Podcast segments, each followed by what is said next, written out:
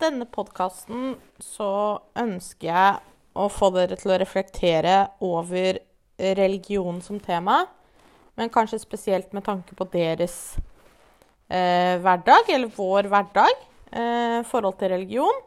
Hvordan dagens samfunn ser på religion, og hvordan det er å vokse opp som en religiøs ungdom eller person i dag. For hva er egentlig religion? Vi har snakka mye om det gjennom hele skoleåret. Eh, og det handler om kultur, og det handler om oppvekst, og så handler det om det å tro. Så det er vanskelig å styre hva man tror på. Eh, jeg, for eksempel, når jeg var liten, var jeg mørkeredd. Eh, og trodde på en måte Jeg tror jeg trodde på spøkelser når jeg var liten. Og noen ganger ennå, eh, hvis man f.eks. er i et mørkt hus midt på natta, alt er mørkt, kanskje er en hytte uten strøm, man hører rare lyder på natta, så tenker man liksom Oi, hva er det? Og så vet jo jeg oppi mitt hode at jeg ikke tror på spøkelser, men allikevel så kan det komme en bølge over meg av eh, en tro på noe. Det handler om at noen ganger så tror vi på ting. Eller når man f.eks. er barn og tror på julenissen. Det handler om å tro, eh, og det er ikke alltid så lett å styre hva det er man tror på. Men noen velger da aktivt eh, å føre seg i en retning av tro, mens andre ender opp med å tro eh, på bakgrunn av bare hva de tror. Eh, og det er dette som gjør spenningen mellom religion, eller kanskje heller mellom religiøse og ikke-religiøse mennesker, så utrolig spennende. For det å forstå hvorfor en person tror at det handler om kultur, det handler om oppvekst, tilhørighet, identitet. Eh, det å forstå hele dette bildet er komplekst, men utrolig spennende. Og så finnes det eh, en oppgave innenfor det temaet som vi kaller mangfold, som handler om religion, om det er et tabu. I dag så vet vi at det er mange ungdommer som holder tilbake informasjon om troen sin og rett og slett ikke forteller det eh, til nye venner f.eks. at de er religiøse. Og så har jeg med et eh, eksempel, et eh, offentlig eksempel på dette, eh, som er når Karpe ga ut 1000 tegninger fra 2010. Eh, og låta framstiller religion som et av vårt tids tabuer. Jeg skal spille av en liten snutt av låta, sånn at dere hører teksten.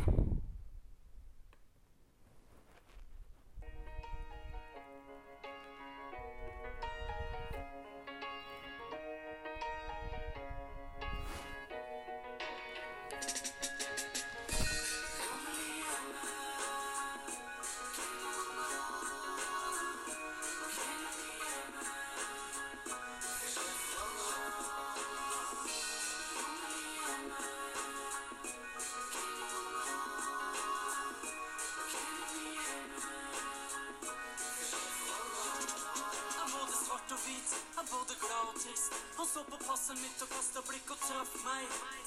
For jeg var fuglen på bakken, og han var tvunget til å ville kappe vingene av meg. For jeg fikk sunget, sunget ut som profeten og om Gud. Alle disse temaene som ellers er tabu.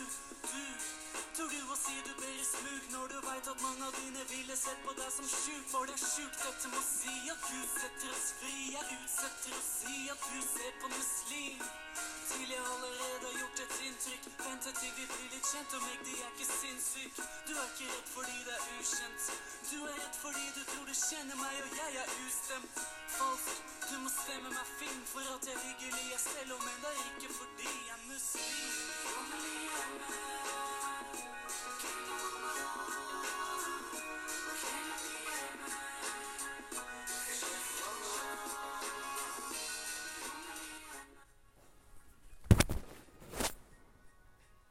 Her hørte dere et utdrag fra uh, låta 'Tusen tegninger' av uh, Karpe.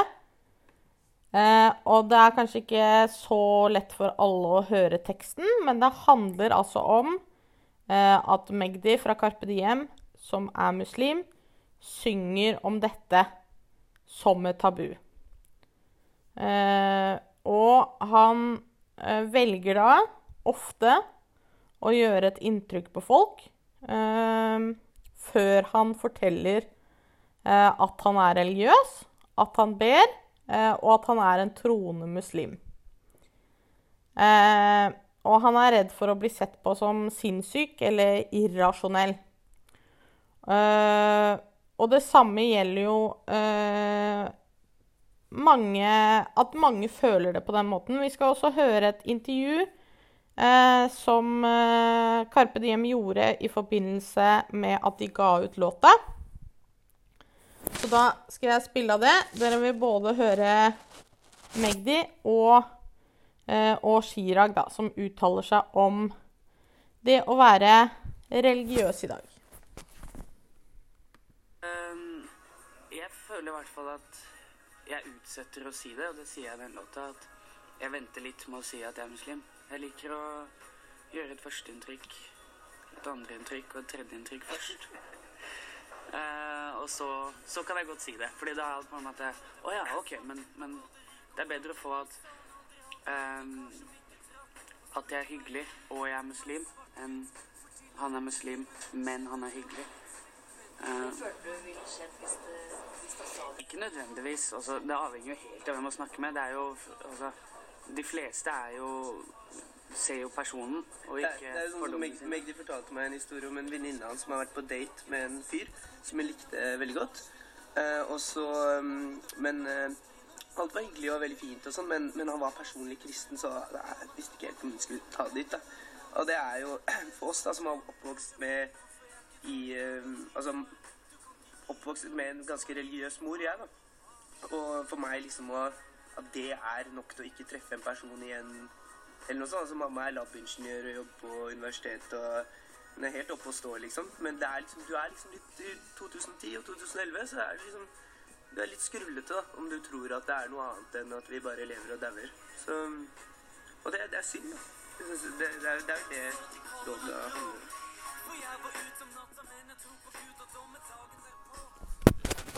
Ja, som Chirag er inne på her, så er det det denne låta handler om. Eh, om at det kanskje ikke er så lett eh, å være troende eller religiøs eh, i dagens samfunn. Eh, og det jeg ønsker eh, både med denne, dette lydklippet og denne podkasten, er jo at dere reflekterer rundt det.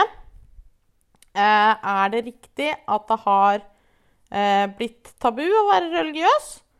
Eh, ofte så opplever jeg at ikke-religiøse elever syns det er helt greit å være religiøs, mens religiøse elever sier høyt at de syns det kan være vanskelig å fortelle, kanskje spesielt nye venner eh, eller nye folk, at de tror på Gud, da. Eh, eller at de tror på noe annet. Eller at de er praktiserende religiøse.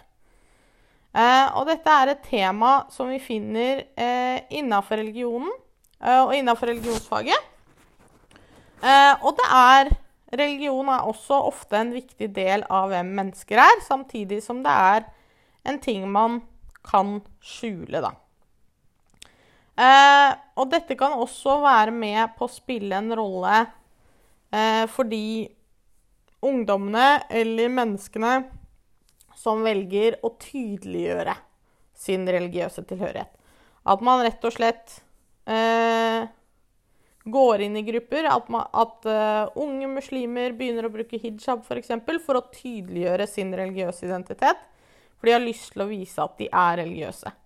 Eh, og samme med unge kristne i Norge i dag. At de eh, er aktive i miljøer og med i miljøer hvor de kan være leve ut sin identitet som religiøse.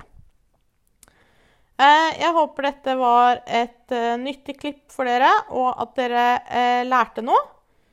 Og at dere klarer å tenke igjennom hvordan dette kanskje påvirker deres møter med religion. Hvordan dette påvirker deres religiøse hverdag. og hvordan det påvirker hvordan dere møter nye mennesker.